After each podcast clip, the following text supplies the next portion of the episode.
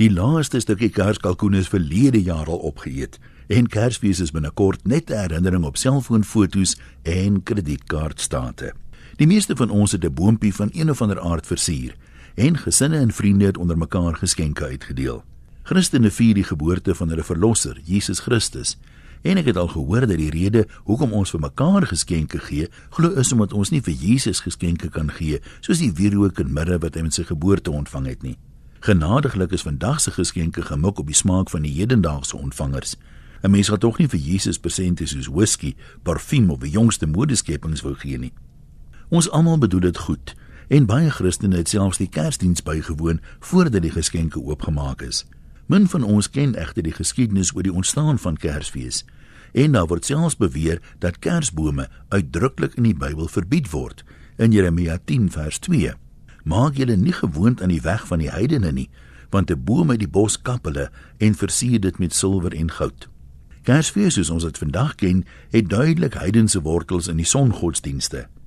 Luister gerus eers na voor jy begin oordeel. Te loop, jy weet mos die Bybel verbied dit ook om te oordeel.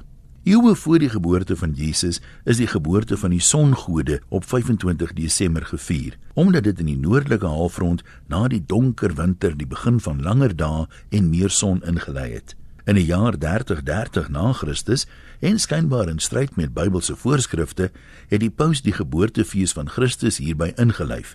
Blykbaar was die rede 'n poging tot versoening van die Hebreë gemeenskap omdat die sonfees toe reeds so goed ingeburger was. Vandag se goeie Kersvader wat die geskenke uitdeel, is geskoei op Sint Nikolaas, 'n rooms-katolieke biskop uit die 4de eeu. Daar is in die Bybel self geen opdrag om die geboorte van Jesus te vier nie. Dit is seker ondenkbaar dat die Christendom op groot skaal so kon dwaal om feeste ter ere van afgode te versoen met die Christusfees. Maar is dit onmoontlik? As jy mens kyk na die vertalings van die Bybel deur die jare, nie net in verskillende tale nie, maar selfs net in Afrikaans, is dit soms moeilik om sekere tekste in die verskillende vertalings met mekaar te versoen. Soms word die betekenis uitgebrei en soms afgewater. Ons glo te goeder trou dit wat in ons eie Bybel staan, maar is dit die regte woorde?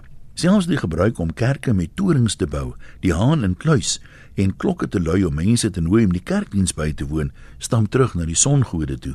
Om al hierdie dinge te hoor is nogal 'n skok. En waar kom ek daaraan vra jy?